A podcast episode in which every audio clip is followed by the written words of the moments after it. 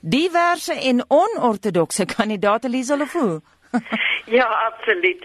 Ek weet George Weah wat jy genoem het, uh, is 'n uh, oud uh, sokkerspeler, baie bekend. Hy het nou soos soos hy sê, het al voorheen probeer om president te word. Ehm um, dit is maar die die die konteks daarvan is dat Liberia is 'n klein baie uh, arm landjie met 'n baie gewelddadige geskiedenis soos jy genoem het.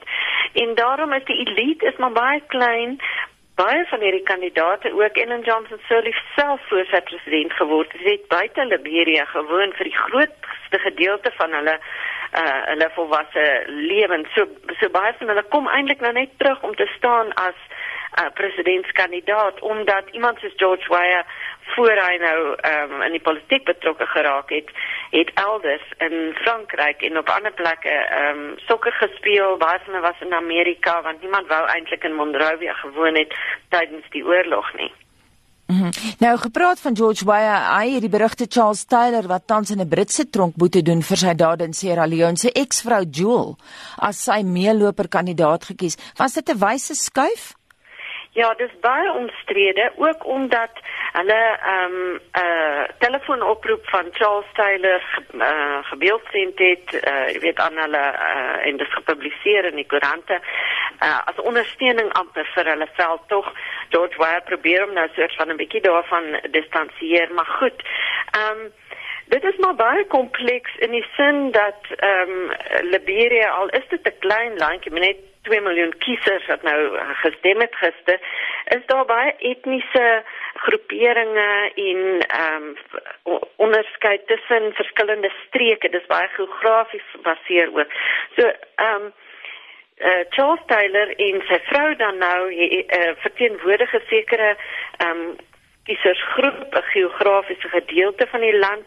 Ellen Johnson Sirleaf het self, toe sy aanvanklik gestaan het vir president, die gewelddadige prins Johnson wat nou ook 'n 'n uh, kandidaat is as haar uh, uh, ondersteuner gehad en want in in Liberia se verkiesings is baie soos in Amerika jy ehm um, is uh, iemand uh, is nou presidentskandidaat en dan is het jy 'n visie presidentskandidaat wat saam met jou dieselfde ticket soos hulle sê hmm. ehm um, dan nou staan in ehm um, so sukses Johnson Sirleaf self skuldig daaraan dat hy sy haar omring het met mense wat regtig nie uh, eintlik behoort in die politiek te wees nie. Sy so lief het spesifiek oor die naweek gemaan dat haar medelandsburgers se stemme nie geskoei moet wees op party, gesinsverband of etnisiteit nie. Hoe belangrik is hierdie faktore in Liberia? Ja, absoluut. Uh, dit is uiters belangrik omdat Liberia is eintlik maar nog steeds besig om die uh om te herstel van die dramatiese oorlog en oorloë wat hy sê dit sy ontstaan eintlik al uh ervaar.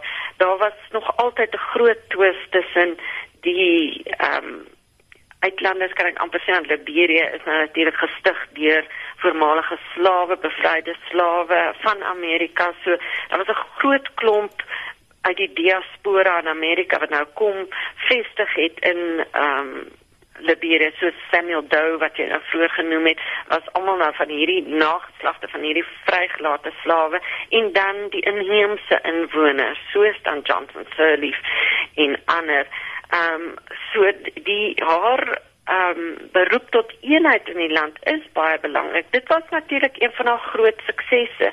Die oorlog is eers in 2003 tot 'n einde gekom. Dit was baie bloedig, baie gewelddadig en sy het dit reg gekry om vrede te bring. En as 'n mens luister na wat mense gesê het in die laaste paar dae in die aanloop tot die verkiesing, was daar baie wat gesê het ehm um, wat hulle wil hê in Nigeria en Liberia is bovenal vrede en dan nou ekonomiese ontwikkeling want die land is nog steeds baie arm. Jy praat nou van armoede meer as 50% van die burgers van Liberia lewe in wat genoem word totale armoede. Ek neem aan dit was die grootste of die tweede grootste verkiesingsvraagstuk? Ja, absoluut. Werkskepping, armoede, um, ontwikkeling, infrastruktuur. Um, Liberia was op sy knieë na die oorlog. Daar was werklik nie eers elektrisiteit nie. Ehm um, iemand het 'n storie vertel van 'n van as jy nou 'n maatskappy wil begin in Liberia met jy met 'n skip kom en basies kragopwekking bring. Dit is dit is ongelooflik hoe die land heeltemal vernietig was. So daar's nog steeds pogings en dan natuurlik in 2014 was die Ebola ehm um, hmm. epidemie wat die land se gesondheidsinfrastruktuur heeltemal vernietig het. amper 5000 mense is dood. So en dit was eintlik so um ongelooflik dat in hierdie tyd wat Liberia en Sierra Leone uh, ook nou net op hulle voete kom het die Ebola uit uh, breek uh, uitbraak toe gekom. So um, dit is regtig een van die armste lande en daar's nog baie wat gedoen moet word. Goed, hulle het baie hulp gekry tydens die Ebola uh uit die Ebola epidemie geldelike hulp en ook um, van die Amerikaanse weermag ensovoorts, maar dit is nou opgebruik en daar sal nou iets gedoen moet word sodat daar werkskepping kan kom. Ook maar dieselfde scenario wat die mense in ander Afrika lande ook sien. Is daar enige vergelykings te tref tussen Suid-Afrika en Liberia? Wat sou die uitkoms van die verkiesing byvoorbeeld vir Pretoria beteken? ja, Liberia is 'n uh, relatief klein landjie um, in Wes-Afrika dan nou. Maar ehm um, dit is ook 'n model van wat elders gebeur op die kontinent.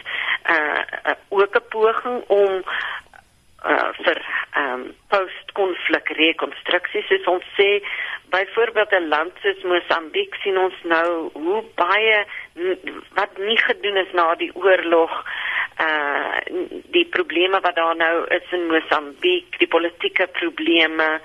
Uh, ons gaan ons vergeet baie maklik dat daar wel in Suider-Afrika ook konflik was en dat daar nou nog steeds verskillende kampe is en uh, dat mense dit net soort van in ag moet neem.